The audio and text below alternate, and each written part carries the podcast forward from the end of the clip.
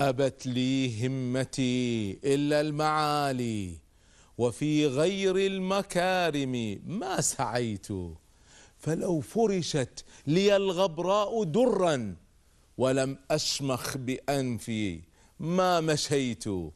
ولو بذلت لي الدنيا على أن أضيع بعض أخلاقي أبيت. ربيت على العلا طفلا رضيعا فما إن قط عن مجد نأيت وورثني الفضائل قوم صدق فعنهم كل مكرمة رويت ولم يأتوا من الأمجاد بيتا رفيعا شامخا إلا أتيت مقامي حيث يجهلني مقامي حرام إن أقمت فقد غويت وما أنوي سوى الشرف المعلى فنفسي دون مبلغه شريت. ومن ينوي الإقامة في ديار ومن ينوي الإقامة في ديار تضيق به فإني ما نويت. فمكة فمكة في جوار الله داري. ولي فيها كما للناس بيت. إذا ما طمحت إلى غاية ركبت المنى ونسيت الحذر. ومن لا يحب صعود الجبال يعيش أبد الدهر بين الحفر. ومن لم يعانقه شوق الحياة تبخر في جوها واندثر. كذلك قالت لي الكائنات وحدثني روحها المستتر.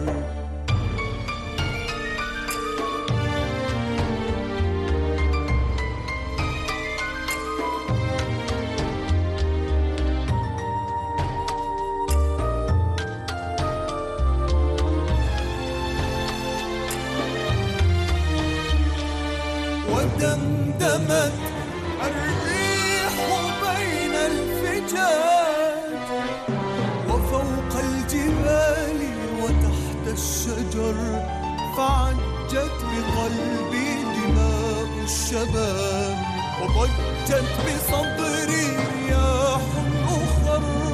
أبارك في الناس أهل الطموح. ومن يستلذ ركوب الخطر؟ وأعلن في الكون أن الطموح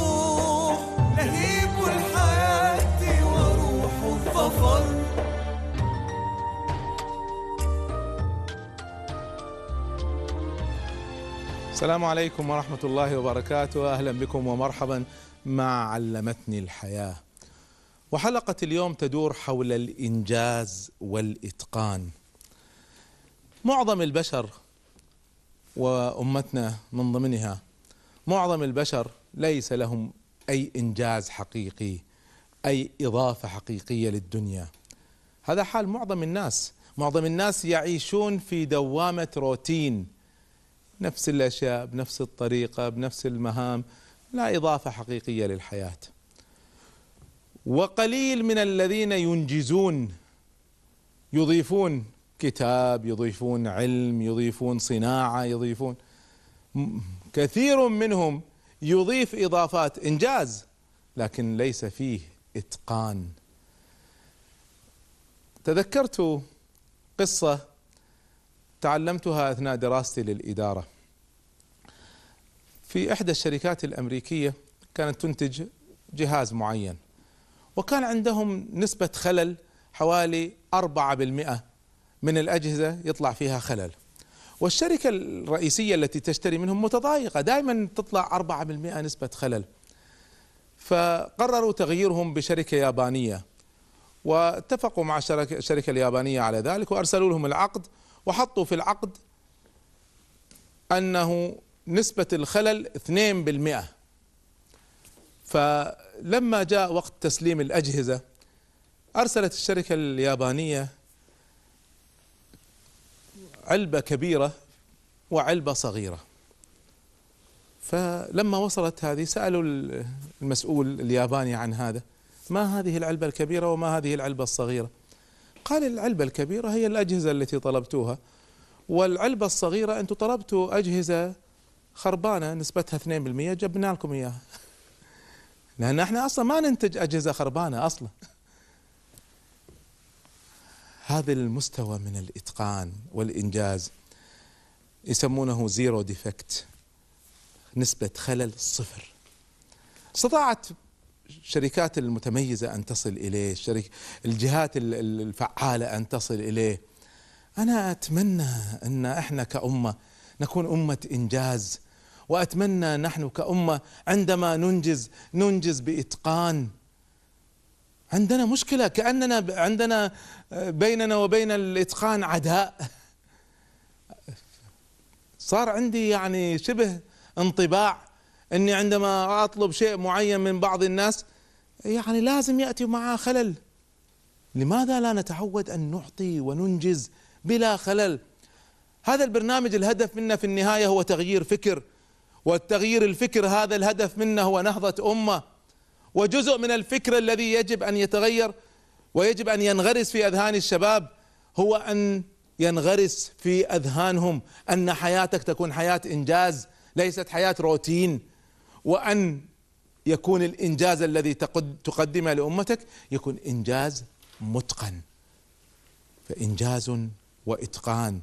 هذا هو هدف برنامجنا في هذه الحلقة. وأبدأ بفكرة رئيسية. تقول لن تنهض أمة دون أن تتقن مهارات الحياة. لن تنهض أمة دون أن تتقن مهارات الحياة. المهارات أنواع. هناك مهارات إدارية هناك مهارات فنية هناك مهارات علمية وهناك شيء اسمه مهارات الحياة. أنتم يا شباب لو أبدعتم وأتقنتم أدائكم آه، في المدارس أو في الجامعات ووصلتم إلى الدرجات العالية في الفيزياء والرياضيات والكيمياء والعلوم وأمثالها لن تنجحوا في الحياة. الذي يجعل الإنسان ينجح في الحياة ليست هذه العلوم. نعم هذه تساعدك على أن تؤدي عملك أن تنجز أن تتقن.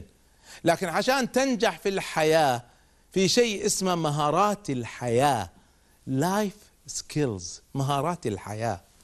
مهارات الحياة تدور حول الأمور التالية. في مهارات الحياة وإحنا كنا يعني في أكاديمية الإبداع آه، ندرس مادة اسمها مهارات الحياة وكانت الأستاذة بثينة إبراهيم والفريق اللي معها قد أخذوا هذه المناهج من الغرب هي مناهج غربية. للأسف أمتنا ما عندها مناهج اسمها مهارات الحياة. لما عملوا مناهج, مناهج مهارات الحياة عملوا مناهج فيها كمبيوتر ويعلموا الطفل كيف يلبس ملابسه وكيف يربط حذاء جلكم الله وأشياء مثل هذه. ليست هذه هي مهارات الحياة. مهارات الحياة هي أولا القيم. القيم. ما هي القيم التي تؤمن بها؟ ما هي القيم التي تمارسها؟ دعوني أعطي مثال بسيط. خذوا مفهوم مثل مفهوم الصدق. الصدق الآن يدرس مثلا في التربية الإسلامية لكن ما يغرس. فلسفة تعليم مهارات الحياة أن تغرس غرسا. أعطي مثال. يعني أنا لما أدرس مهارات الحياة في درس دين راح أحدثهم بالآيات والأحاديث عن الصدق ولا يزال المرء يصدق ويتحرى الصدق حتى يكتب عند الله صديقا. إلى آخر هذا. هذا جميل جميل هذا مهم لكنه يبقى لا يعرف الطفل كيف يحول إلى واقع. نحن كيف ندرس مثل هذه المسألة؟ لما نتكلم عن مهارات الحياة. يعرض فيلم. هكذا بدون بدون وعظ. في البداية نعرض فيلم. الفيلم طفلين يلعبون مع بعض. أصحاب مقربين إلى بعض بعدين ينتهي وقت اللعب يدخلوا الفصل وإذا عندهم امتحان.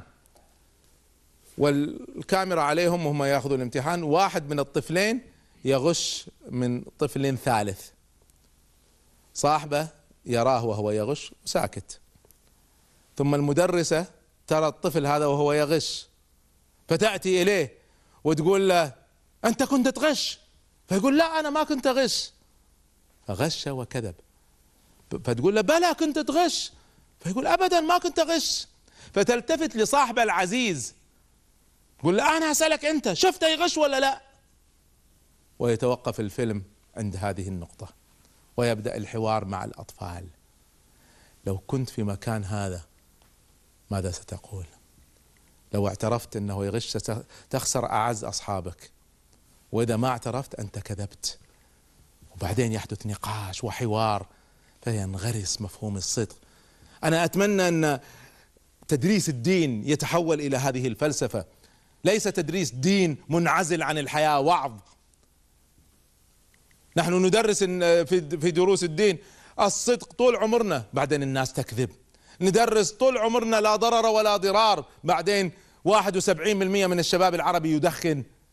ندرسهم آه، من غش فليس منا. ونادر الذي ما يغش. ما قيمة الوعظ إذا لم يتحول إلى واقع وتطبيق. فمهارات الحياة تتكلم عن القيم. في درس مهارات الحياة يدرس الآداب أدب الطعام أدب الحديث أدب الاستئذان أدب الآداب. في مهارات الحياة يتعلم المهارات الأساسية التي يحتاجوها في إدارة حياتهم وإدارة عملهم. أتكلم عن الروضة وأتكلم أول ابتدائي ما أتكلم جامعة وثانوي. التخطيط اتخاذ القرار الإبداع وأمثالها يتعلموها وقادرين أن يتعلموها وهناك مناهج تدرس هذه المسائل. ضمن مهارات الحياة يتعلم فن بناء العلاقات ومتى يقطع العلاقة ومتى يصحح العلاقة وكيف يصحح العلاقة. وفي مهارات الحياة يدرس الجوانب السلبية وليس فقط الإيجابية. التدخين المخدرات الخمر الجنس هذا كله جزء من التعليم اللي يجب أن يكون في مناهجنا. حتى نتقن التربية والتعليم لابد أن تضاف مهارات الحياة. ولا بد أن أيضا يتعرف الشباب على قانون إداري رئيسي نسميه قانون العمل الذهبي. قانون العمل الذهبي. دعوني أولا أعطيكم قانون عام قبل هذا ثم سأدخل في قانون العمل الذهبي. أنا دائما أنصح الشباب اسمعوني جيدا أنا أنصح الشباب قسموا حياتكم مرحلتين. والفاصل بين المرحلتين هو سن الثلاثين. زائد قليلا ناقص قليلا ما في إشكال. بس هذا هو السن الفاصل عمر الثلاثين. قبل الثلاثين هي مرحلة أخذ. تعلموا. خذوا قدر ما تستطيعوا. لا يصير حياتكم محاولة العطاء. في بعض الناس بعض الشباب مشغول بالأنشطة والفتيات. يعني من نشاط إلى نشاط من مهمة إلى مهمة. وتنسى أن تدرب نفسها. تنسى أن تتعلم. طبعا في هذه الحالة ماذا سيحدث؟ في نشاط وإن شاء الله في أجر كبير. لكن الإنسان خالي خاوي ما عنده مهارات ما عنده علوم ما عنده قناعات تساعده على الإنجاز. قارن هذا بشخص آخر خطط أنه إلى سن الثلاثين معظم حياته ليس كلها طبعا لابد في عطاء لكن معظم حياته أخذ تعلم. وسأعطيكم القانون بعد قليل. ثم بعد الثلاثين يبدأ يعطي. فقبل الثلاثين معظم الحياة أخذ. وقليل من العطاء. ثم بعد الثلاثين يبدأ العطاء ويستمر الأخذ. الأخذ ما يتوقف التعلم لا يتوقف. هنا دعوني أنطلق معكم مع قانون ترونه معي على الشاشة هو قانون العمل الذهبي. يقول هذا القانون قسم حياتك حسب العمر كالتالي. في العشرينات ركز على العلم تعلم أكبر قدر من المعلومات من العلم. خذوا معلومات. اقرأوا آه تعلموا احضروا دروس آه ابحثوا حاوروا العلماء جالسوهم. ركزوا على العلم. في الثلاثينات طبعا ليس بالضرورة بهذا الترتيب يعني ممكن واحد أيضا يستمر في العلم في الثلاثينات ما في مشكلة ويبدأ في في العشرينات بالذي سنتكلم عنه أيضا ما في إشكال لكن هذا على الأقل أنت عارف عارف ماذا تحتاج. في الثلاثينات التركيز سيكون أكثر على المهارات. أكثر من تعلم المهارات في الثلاثينات. هنا نتكلم عن مهارات تتعلق بالإدارة تتعلق بالإلقاء تتعلق طبعا ممكن تتعلمها مبكرا ما في إشكال. لكن ما تتجاوز الثلاثينات وأنت غير متمكن من المهارات. بعض الناس اليوم أنا احتكيت ببعض العلماء ما يعرف يستعمل كمبيوتر ولا يستعمل حتى المسج هذا ما يعرف يستعمله. ما يصير. الدنيا اختلفت اليوم. في الأربعينات ركز على أن تتعلم فنون الإشراف والإدارة بأكبر قدر ممكن. تعلم كيف تدير مهارات الإدارة أكثر وعلم يعني التركيز على الإدارة كعلم وكمهارات وكسلوك وممارسة وإنجاز ومتابعة. والمهارة والإدارة فيها طبعا التخطيط والتنظيم والتوجيه والرقابة واتخاذ القرار هذه القضايا الرئيسية مارسها تعلم كيف تمارسها بشكل صحيح. لكن إذا وصلت إلى الخمسين ركز على القيادة. في الخمسينات كرس وقتك للقيادة أكبر بأكبر قدر ممكن أكثر من تركيزك على الإدارة أو على المهارة في الخمسينات هنا أنا دائما يسألوني إيش دورك في الشركات والمنظمات والقناة التي تديرها؟ أقول أنا دوري قيادة وليس إدارة. أنا ما أتابع العمل اليومي وتفاصيل العمل اليومي أنا أركز على القيادة. والقيادة أنا ذكرتها لكم سابقا وأعيدها لأهميتها. القائد يركز على ست أشياء. أي شيء آخر هو إدارة. القائد يركز على التخطيط. ويركز على العلاقات الرئيسية. ويركز على الإبداع. ويركز على التقدير. ويركز على التدريب. ويركز على حل المشكلات التي يعجز عنها الآخرون. هذه قيادة. أي شيء آخر هو إدارة. والله متابعة حضور وغياب حل مشكلة بين اثنين آه، في مشكلة عطل فني في جهاز هذا ما هذا كله إدارة. هذه ليست قيادة. فالقائد يركز على هذه الأمور. إذا إذا استطعتم أن تفعلوا هذا حولتم حياتكم إلى التركيز على الإنجاز وعلى الإتقان. ومزيد من المهارات والفهم لهذه المسألة سيساعدنا أكثر على أن نكون من المنجزين المتقنين إن شاء الله. أحدثكم عنها بعد الفاصل إن شاء الله.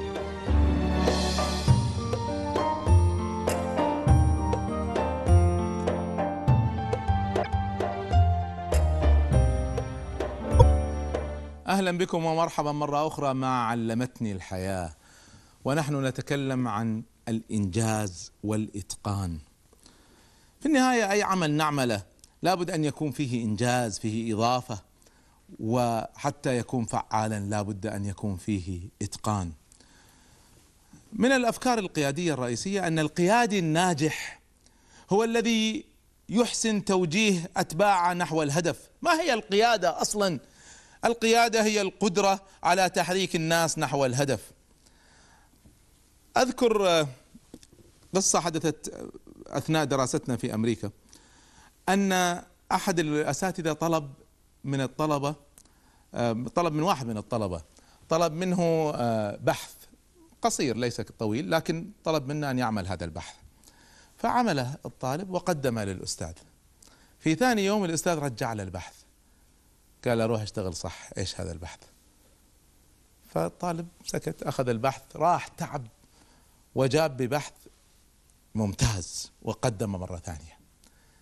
فالأستاذ هنا رجع له ثاني يوم البحث.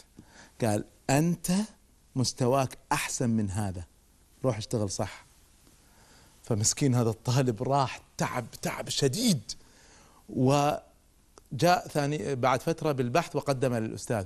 قال له أستاذ ما أقدر أعمل أحسن من هذا. خلاص. قال له متأكد؟ قال له ما في مجال أحسن من هذا ما أقدر أسوي. قال له إذا الآن سأقرأه. ولم يقرأه لا في المرة الأولى ولا في المرة الثانية. هو كان عنده هدف أن يحرك نحو الإتقان نحو الإنجاز. فما في مشكلة أن نعيد مرة ومرتين بس نتأكد أن شغلنا صح. دعوني أعطيكم إحصائيات عن العالم العربي وأعلق عليها. ما هي أسباب عدم الإنجاز؟ كشف موقع بيت دوت كوم وهو أكبر موقع للتوظيف في الشرق الأوسط في دراسة جديدة قام بها على موقعه الإلكتروني ونتائجها دراسة تمت وظهرت نتائجها في 2009 يقول البحث عدم تقدير جهود الموظفين في العمل. الموظف لما ما يستشعر أن جهوده مقدرة يشكل الحاجز الأبرز أمام تطوير الإنتاجية. أكبر حاجز أمام الإنجاز والإنتاجية والإتقان هو عدم التقدير وذاك في قانون ذهبي من قوانين الإدارة. العمل الذي يكافأ يكرر. تريد عمل متقن يكرر مرة أخرى؟ كافئ. أما عمل متقن لكن لا يكرر لا يقدر لن يكرر. وهناك درجات طبعا من التقدير يعني النبي صلى الله عليه وسلم يقول من قال لأخيه جزاك الله خيرا فقد أبلغ في الثناء. منتهى المدح. طبعا لكن لوحدها في الحقيقة ما تكفي. يعني من القصص الطريفة اللي صارت معي مرة واحد من الأخوة كان آه، في الأسانسير بالليفت في المصعد. ففي واحد من الأخوة الآخرين جاي مستعجل يريد أن يلحق. والمصعد كان على وشك أن يغلق الباب. فقام اللي داخل ووضع إيده عشان يفتح الباب. فانفتح الباب واللي جاي متأخر ركب. فلما دخل قال له شكرا. فالأخ هذا قال التفت عليه قال له لو قلت جزاك الله خير ترى أحسن من شكرا. قال له يا أخي الرسول صلى الله عليه وسلم يقول من قال جزاك الله خيرا فقد أبلغ في الثناء. أنت إيش سويت؟ بس فتحت باب يعني. شكرا كافي. فهي درجات من التقدير. طبعا ممكن تقول شكرا ممكن تقول جزاك الله خير ممكن تعطي تعطي معاها مكافأة ممكن تمدح معاها. العمل الذي يقدر يكرر. والناس ما تنجز إذا لم تشعر أن عملها قد كوفئ وقدر. 41% من المشاركين في هذا الاستفتاء قالوا إن قلة أو عدم تقدير جهودهم المهنية هي السبب الرئيسي في عدم تحفيزهم للإنجاز والعطاء. 41% يرون أن المشكلة الكبرى هي في أنهم لم يقدروا. نكمل في هذه الإحصائية. 30% من الذين تم استفتائهم قالوا السبب الرئيسي في عدم إنجازهم الغموض في المهمة أو المهام الموكلة إليهم. ثلاثين بالمئة ما يدري بالضبط ماذا يريد المسؤول منه. يكلفون بمهام عامة ما هي محددة وليس لها وقت محدد وليس لها معايير للإنجاز محددة. أنا قاعد أتكلم عن هذا حتى نستطيع أن نعالج هذه المشاكل. تريد ممن حولك أن ينجزوا حدد لهم بالضبط متى كم كيف أين كم يكلف. حدد بوضوح كلما كانت المهمة واضحة كلما زاد الإنجاز وزاد العطاء والإتقان. و14% من الذين تم استفتائهم قالوا إن عدم مشاركتهم في صنع القرار يؤثر سلبا على إنتاجيتهم. وهذا هذا مفهوم عام في علم الإدارة. أن الذين ينزل عليهم القرار نزول من فوق حماسهم لهذا يكون قليل. بينما الذي يشارك في هذا القرار الذين يشاركوا في صنع القرار يسألوهم ما رأيكم؟ كيف نطبق؟ ما اقتراحاتكم؟ الذين يشاركوا في القرار حماسهم له له يزيد. فإحنا إذا كنا نتكلم عن الإنجاز والإتقان واحدة من وسائل زيادة الإنتاجية والإنجاز والإتقان واحدة منها هي أننا نعطي فرصة للمنفذين أن يشاركوا في صنع القرار. هذا المفهوم ليس مفهوم إداري فقط هذا مفهوم إسلامي أساسي. جاء في أكثر من حديث للنبي صلى الله عليه وسلم. حديث المصطفى عليه أفضل الصلاة والسلام إن الله يحب إذا عمل احدكم أحدكم عملا أن يتقنه. هذا الحديث صحيح صححه الألباني وغيره. فاذا إتقان العمل هو جزء من ديننا. بعض الناس يتصور إن الدين هو صلاة وعبادة وقرآن و هل جزء من ال من ال من ال من الدين أن تتقن وظيفتك تتقن عملك؟ بل أنا أقول أكثر من هذا اسمعوني جيدا. الذين يتسيبون في أعمالهم عند وظيفة معينة ثمان ساعات ولا ولا أقل ولا أكثر ثم يتس يتسلل لواذا هكذا يهرب. من الوظيفة بدون ما أحد يدري يروح يتخلص له معاملة ولا يأكل له سندويشة ولا. هذا حرامي. الذي يفعل هذا بدون استئذان هذا حرامي. لأنه يدفع له مقابل هذا الوقت يدفع له مال. فلما يسرق من الوقت هو سرق من المال. هكذا أنا أفهم الدين. ما نلعب. مضطر محتاج تستأذن. أما تخرج بدون استئذان فهذه سرقة من الوقت وهو سرقة من المال. الإتقان مطلوب في كل شيء. ثبت في الصحيحين في البخاري ومسلم عن أبي هريرة رضي الله عنه أن رجلا دخل المسجد ورسول الله صلى الله عليه وسلم فيه. فوقف الرجل صلى. ثم جاء للنبي صلى الله عليه وسلم فسلم فرد عليه النبي صلى الله عليه وسلم السلام ثم قال له ارجع فصلي فإنك لم تصلي. فراح الرجل وصلى. ثم رجع للنبي صلى الله عليه وسلم وسلم فسلم عليه قال ارجع فصلي فإنك لم تصلي.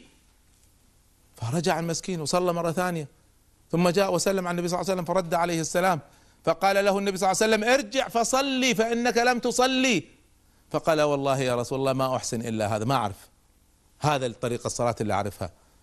فالنبي صلى الله عليه وسلم أخذ وعلمه. كيف يصلي خطوة خطوة وبإتقان. هذا هذا المفهوم بشكل عام. أي واحد من الشباب ينجز إنجاز غير صحيح سأقول له اذهب اعمل انجز فإنك لم تعمل. فإذا جاني وما أنجز صح روح اشتغل روح اشتغل صح روح اتقن. فإذا جاني مرة قال ما أعرف امسكه واعلمه أين الخطأ واعلمه كيف يتقن عمله. هكذا تنهض أمتنا يا شباب. لا يمكن أن ننهض إلا بإنجاز وإتقان. في الصلاة وفي الحياة وفي كل عمل نعمله مزيد من هذه المعاني بعد الفاصل إن شاء الله.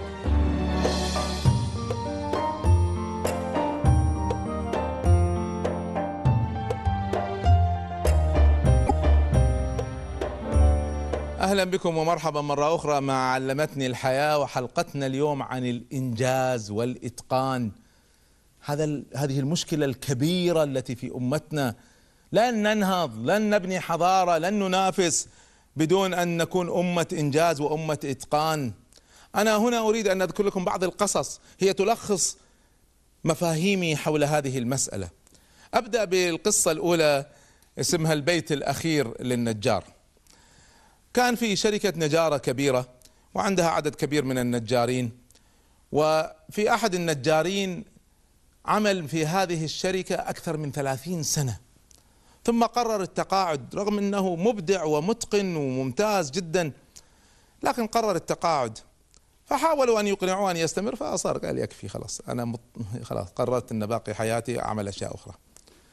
فهنا جاءه رئيس الشركة قال أنا عندي بس طلب صغير. وبعدها تقاعد. قال ما هو؟ قال أنا في بيت واحد أريد أن أنت أنت تسويه. يعني هذا آخر بيت وأريك أنت تشرف عليه أنت تعمله. ما بأي واحد ثاني يعمله.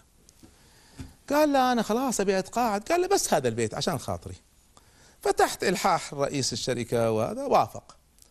فقام وسوى هذا البيت. طبعا لأنه مستعجل يبي يتقاعد. وبعدين ما حد راح يحاسبه خلاص. وآخر مهمة لا سواها صح ولا سواها غلط. ما في يعني ما في لها أثر في في ترقيات ولا غيرها. فالنجار هذا تساهل.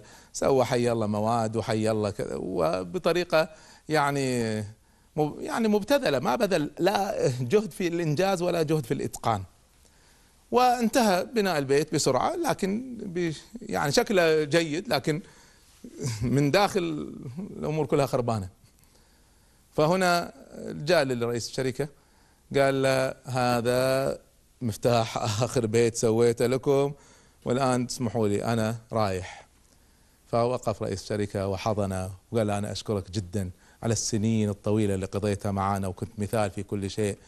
وأنا الحقيقة عملت هذا البيت هدية لك. لو كان يعرف إن هذا بيته كان راح يعمل فيه هذا. سبحان الله. الإتقان والإنجاز في النهاية سينعكس على الأمة ثم سينعكس علينا.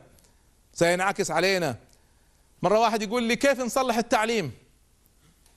فواحد نط. قال لازم نصلح المعلمين عشان يصلح التعليم. المعلمين هم اللي فيهم مشكلة. فقلت له اسمعني. المعلمين هؤلاء خريجين أين؟ خريجين كلية المعلمين. كلية المعلمين يدخلها من؟ يدخلها خريجين الثانوية اللي جاءوا من الابتدائي. فالخلل من هناك ها؟ من هناك بدأ الخلل ورجع على التلاميذ من جديد. أي خلل نعمله؟ أي خلل؟ سينعكس علينا. كثير من الشباب سامحوني على الجرأة لكن كثير من الشباب حتى في ناس حدثوني قال أرجوك اطرح هذا الموضوع. كثير من الشباب يغش في الامتحانات للأسف حتى المتدينين منهم يغش في الامتحانات. أنا أسألك بالله سؤال لو جيت تركب في طيارة وعلمت أن الطيار كان قد نجح بالغش تركب الطيارة؟ وكذلك في كل جوانب الحياة فكر فيها. أنت عندما تغش في الامتحان تغش نفسك. وأقول لك شيء أكثر من هذا. مع السنين لما تكبر وتصل إلى المناصب وتتذكر اللحظات اللي أنت غشيت فيها ستحتقر نفسك. ستحتقر نفسك.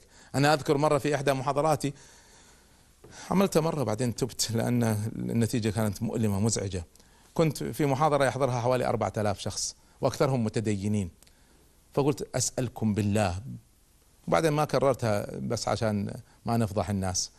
أسألكم بالله من فيكم لم يغش أبدا في حياته. بالله عليكم تكونوا صادقين معي ومع أنفسكم.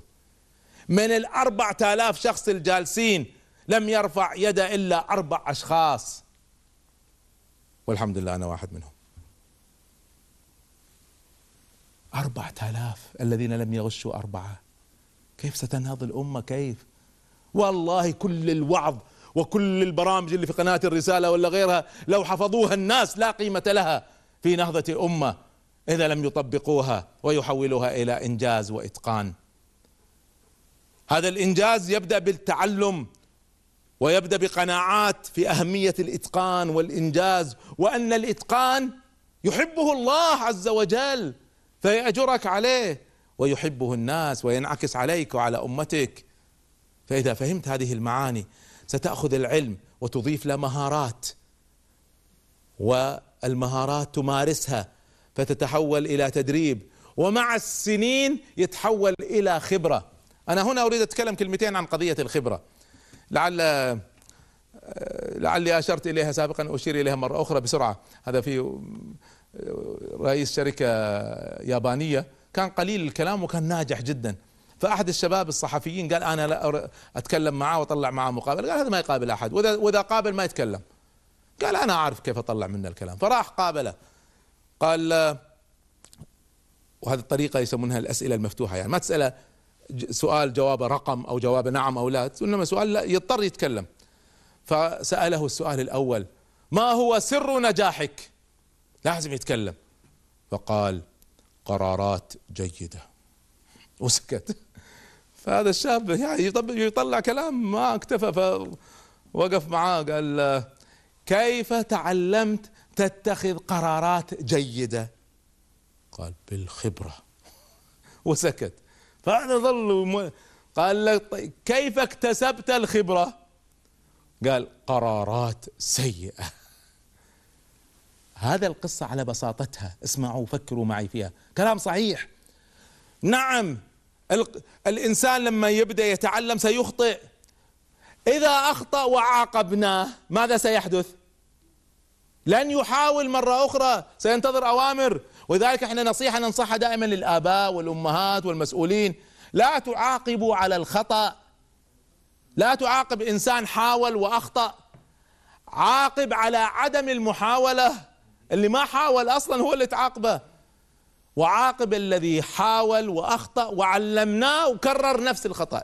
إذا عمل خطأ آخر ما عندي مشكلة لكن يكرر نفس الخطأ هنا الإشكال. فإذا فهمنا هذه المعادلة طبعا أنا عندما أعمل سأخطئ وكلما زادت أعمالي ستزيد أخطائي فلازم تصبروا علي. لازم تصبروا عليها جزء من الحياة. مع الأيام ستتكون شيء اسمه الخبرة. الخبرة. الخبرة هذه آه، لما درسونا إياها درسونا إياها على شكل قصص. من هذه القصص قصة لطيفة جدا اسمها قصة خبير إصلاح السفن.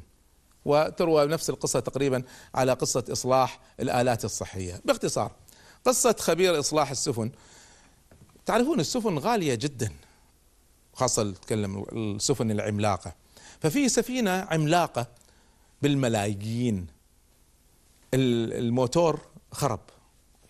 ما الماكينة هذه بدأت ما, ما تشتغل صح. وحاولوا أن يعني يعالجوها ولا يصححوا الخطأ ما استطاعوا.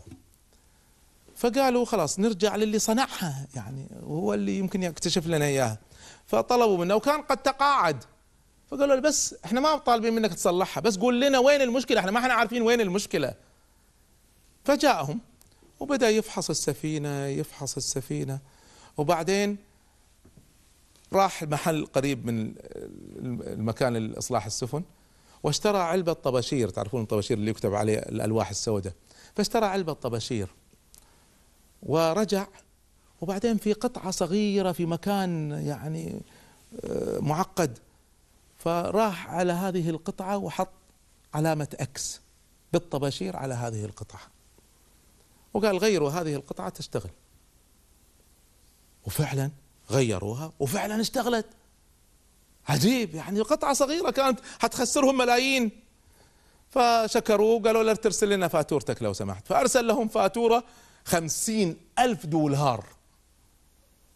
فطبعا هم استكثروها يعني هو ما سوى شيء بس حط إكس فرئيس الشركة قال ارسلوا له خلين خليه يكتب قائمة تفصيلية بتكاليفه توزيع التكاليف. كل بند كم قيمته؟ ما في بند هو بس بس حط الإكس. فهو عرف. فقام أرسل فاتورة فيها سطرين.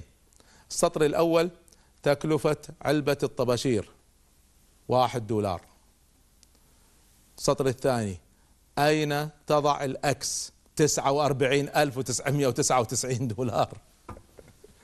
هذه أين تضع الأكس يا شباب؟ هي التي نطلب منكم أن تتقنوها. لا يكفي أن تكون موظف لا يكفي أن تكون آه، مهندس لا يكفي أن تكون مدرس. أتقنوا عملكم كونوا من أصحاب الخبرة. هنا الخبرة ستعلمكم كيف تؤدوا العمل بطريقة أسهل وبطريقة أسرع وأكثر فاعلية وأقل تكلفة. ما هي الإدارة أصلا؟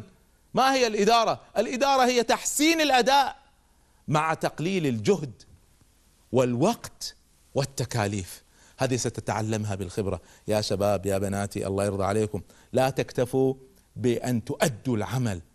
أدوه بإتقان. ولتكونوا خبراء. قللوا التكاليف على أمتكم. كلما قلت التكاليف زادت الأرباح. قللوا الوقت. عندنا مهمة كبيرة اسمها نهضة أمة. وأتقنوا عملكم وأخلصوه لله عز وجل. أختم هذه الفقرة بالحديث على مثل يقول في أمثال عربية والله أمثال سيئة جدا يعني. في مثل يقول أنا عبد المأمور ها؟ أنا عبد المأمور. من هذا عبد المأمور؟ هذا هذا في مثل مصري ثاني يقول اربط الحمار وين ما عايز صاحبه يعني لا تفكر لا تفكر. إحنا ما طيب ما جئنا بك عشان تفكر. إحنا جئنا بك بس عشان تنفذ. تنفذ صح تنفذ غلط. ما هي مشكلة. المهم بس تنفذ. ما هو مطلوب أن تفكر أصلا. أنا تكلمت عن هذا في مفاهيم القيادة وتكلمت عنه في عدة حلقات. لا يصير تعاملنا مع أبنائنا لا يصير تعاملنا مع الذين يعملون حولنا بهذه الصورة. هؤلاء بشر عندهم عقول يستطيعوا أن يفكروا يستطيعوا أن يبدعوا يستطيعوا أن يضيفوا. وأنت أيضا يا شاب يا يا فتاة لا تقبلوا أن تعيشوا عبد المأمور. تنفذ ولا تفكر. إذا رأيت خطأ فقف. وقل هذا خطأ وبين للمسؤول. ساهم في نهضة أمة. نهضة الأمة ليست فقط أنك تتعلم وإنما تنفذ وتتقن وتبدع وتكون من أهل الخبرات وتصحح وتقف أمام المخطئ عندما يخطئ. مزيد من هذه المعاني وحواري مع الشباب بعد الفاصل إن شاء الله.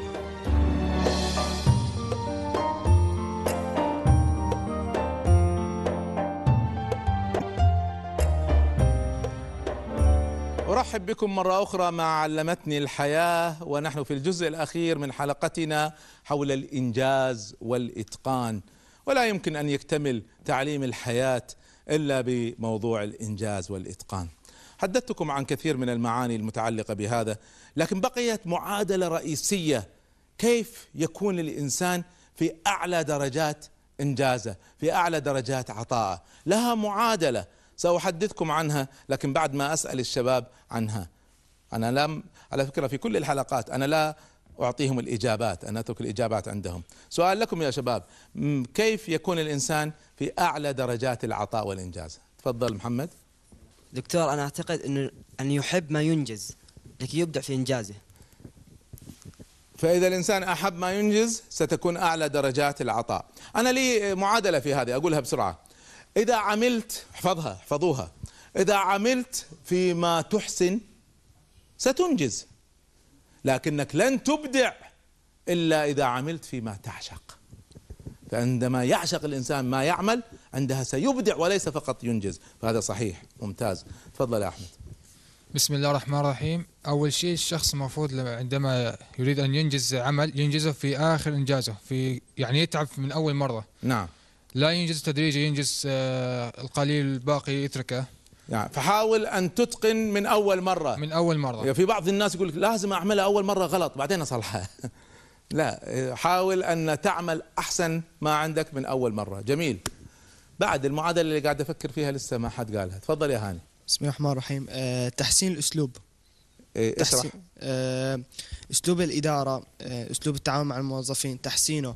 شوف وين الخلل؟ تحسينه الا ما يكون في خلل مع بين الموظفين والاداره نعم. آه جميل. هذا في كلمة لأديسون. يقول يقول هناك طريقة أفضل لأداء أي عمل. فأي عمل تعملوه تذكروا هذا القانون. أنت عملته بطريقة معينة هناك طريقة أحسن منها بس تحتاج تفكر فيها. وتشوف طريقة في الإدارة فن التعامل مع الناس النظام التكنولوجي إلى آخره. فنعم هذه من الأشياء. في تغيير إيجابي. نعم.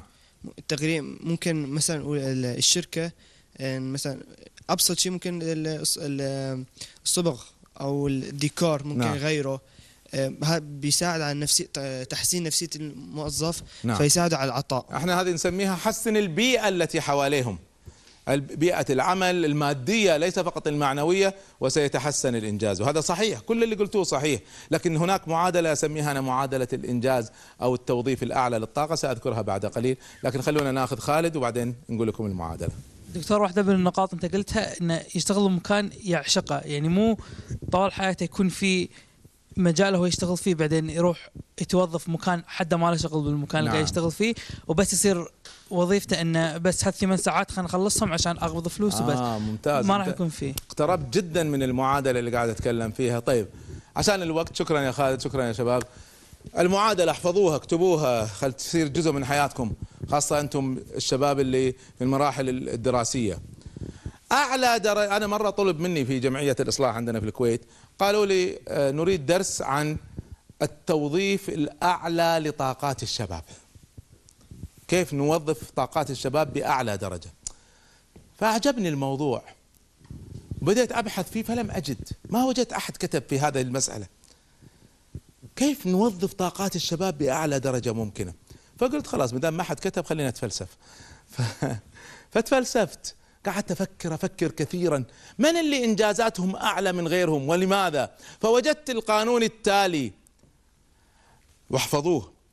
عندما يكون تخصصك الدراسي هو نفس وظيفتك هو نفسه مجالك في التطوع. كل إنسان عنده دراسة وعنده وظيفة وعنده أعمال تطوعية يشارك فيها ثقافية اجتماعية خيرية إلى آخره. إذا كانت متناسقة فالطاقه والإنجاز والإنتاجية تكون في أعلى درجاتها أعطي مثال. تخيلوا شاب تخرج من كلية الهندسة ما حصل شغل في الهندسة فعمل عمل في إحدى الشركات مهمته إدارية وهو متطوع في جمعية خيرية يخدمهم في تحفيظ القرآن الكريم. ما في أي علاقة بين الثلاثة. الآن قارن هذا بفتاة تخرجت في تخصص الإعلام وحصلت على وظيفة في مجال الإعلام وتخدم مركز تحفيظ القرآن في اللجنة الإعلامية. كم إنجازها وكم عطائها. فأعلى درجات الطاقة والإنجاز بالإضافة إلى ما ذكرتوه كل ما ذكرتوه صحيح لكن نضيف لها هذه المعادلة الرئيسية. هل هناك تناسق بين التخصص والوظيفة والتطوع عندها يكون الإنجاز في أعلى درجاته. تذكروا يا شباب أنكم في سن التعلم وأمامكم حياة طويلة وتذكروا هذه الحكمة العطائية. يقول ابن عطاء رحمة الله عليه ما فاتك من عمرك لا عوض له وما حصل لك منه لا قيمة له. أي كل ما فات من عمرك لا عودة له. فإذا أفرغته من العمل الصالح ومن العطاء ومن الإنجاز للأمة فاتك خير كثير. وما بقي لك من عمرك ما حصل لك من عمرك ما بقي لك من عمرك لا يقدر بثمن. هذا أنفس ما تملك أغلى ما تملك هو الوقت هو عمرك. لأنك تستطيع أن تتوب وتعمل الصالحات وغيرها. فيقول الإمام علي رضي الله عنه وكرم وجهه بقية عمر المرء ما لها ثمن يدرك. ما لها ثمن يدرك ما لها لا تقدر بثمن. فإذا فهمت هذا وأضفت معنى جميل حفظته في حياتي يقول غدا. احفظوها غدا. هو أول يوم فيما بقي من عمرك. فإذا فهمت هذا فتفهم أن مجال التوبة ومجال التعويض عن الأخطاء السابقة والعطاء والإنجاز والتعلم والإخلاص ما زال مفتوح أمامك مهما كنت قد فعلت من المعاصي أو من الأخطاء أو من العيوب فهذا قد فات لا يعوض لكنك تستطيع أن تصححه وأتبع السيئة الحسنة تمحوها. شكر الله لكم حسن متابعتكم وإلى أن ألتقي معكم مع حلقة جديدة من علمتني الحياة. أستودعكم الله. والسلام عليكم ورحمة الله.